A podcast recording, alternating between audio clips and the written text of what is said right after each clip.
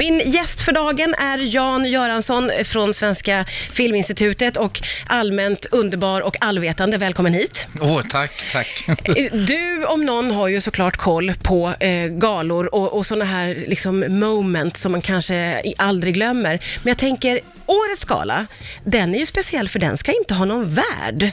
Nej, och det, det är ganska läskigt. Jag blev lite ledsen när jag läste det, för det skrevs ganska negativt om det i många tidningar, att eh, det är så svårt att få en, för det är så otroligt känsligt och folk vågar liksom inte Nej. ställa upp, eller i alla fall inte de som blir tillfrågade. Det är klart att det finns jättemånga att välja på. Som vill. Ja. Men vad tror du om att, hur kommer det att bli då, tror du, när de inte har någon värld i år? Men Nu har jag ju sett, läst både liksom i, i amerikansk press men också i svensk press att det ryktas om Whoopi Goldberg.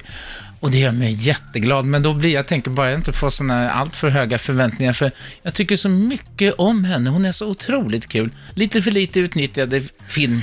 Men menar du att de skulle liksom sätta in henne utan att vi liksom visste om det? Ja, jag läste någonstans nyligen att hon, de, hon har tackat nej, eller liksom att de har avsagt sig repetitioner av andra tv-shower och sådär. Och gud vad roligt om du har rätt i det här. Ja. Det är ju helt fantastiskt i så fall. Gud vad spännande. Eh, om man tänker tillbaka till ganska nyligen så är det det är ju en sån här, det är ju en fadäs skulle jag väl vilja påstå. Det var väl 2017 va? När man ropade ut fel bästa film. Ja, Man ropade ut La La Land, La La Land, ja. Allihopa upp på scen Ja. och så var det fel. och så var det fel, ja. Du- Och jag tyckte så otroligt synd av Faye Dunaway och Warren Beatty, för de hade ju stoppat fel i, i kuverten. Ja. De hade jobbat med dubbletter och det, det var så otroligt tokigt. Och vi på, jag jobbar ju mycket med Guldbaggegalan också, Ja. vi, vi såg över våra rutiner och väl, efter det här, så det blev liksom lex La La Land. Nej, vad hemskt. Så hemskt för alla inblandade. Det måste ju vara en av de största missarna man har gjort genom åren. Ja, visst. Och jag var, ju, jag var på en viewing party då eftersom vi hade en svensk nominering då, en man som hette Ove. Mm. Så då hade vi, de hade arrangerat ett viewing party där bredvid Dolby Theatre. Och vi fick ju, eh, när det då visade sig att det var fel, alltså folk eh, nästan svimmade och spillde ut sina drinkar. och skrek rakt ut. Det hade man ju velat se. Det är Underbart. Men hur, hur är det då att vara på viewing party i samband med Oscars? Det är många som för, tycker att det är att föredra, för då är det väl de här som är lite blasé och har varit där många gånger i Dolby Theatre, vilket jag aldrig har varit, men jag har ju en önskan dit. Men de här viewing parties då, Elton John ordnar en sån och Madonna har en sån och på många andra ställen. Och då sitter man framför en gigantisk eh, tv-skärm eller filmduk och så sitter man och så pratar man och diskuterar och skrattar och lite som vi hemma när vi tittar på Mello.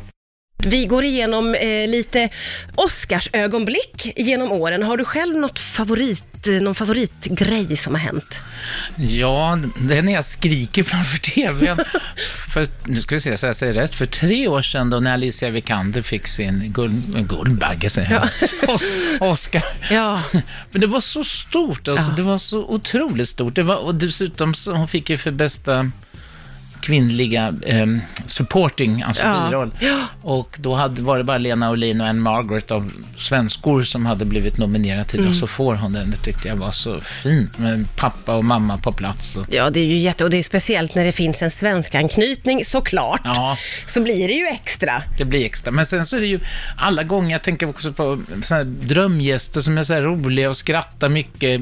En av dem är ju Meryl Streep till exempel. Hon har haft 21 nomineringar och undrar om inte hon har varit där varenda gång hon har blivit nominerad. Ja. Hon är absolut ingen diva på det sättet som kräver att få veta om hon har vunnit eller så i förväg. Hon kommer ändå. Hon kommer ändå. Och hon är en bra så, sitta i publiken-person. Ja, Jack Nicholson, som jag, som jag inte har sett de senaste åren, men han är gammal nu.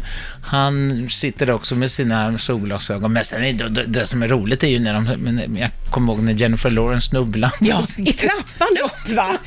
I finklänning och allt. Ja, och hon liksom nästan låg kvar där lite. Jag minns det också. Ja.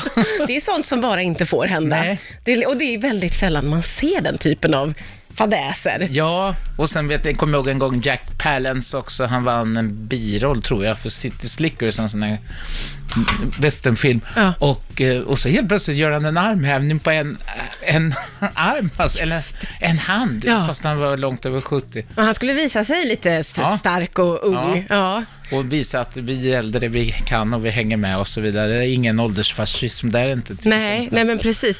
Det är ju sånt som man lite grann ser fram emot. När man sitter framför TVn så vill man ju att det ska sticka iväg åt något håll och att någon ska liksom göra någonting. Ja. Det är ju det man längtar efter, Ja, som tittare i alla Ja. fall.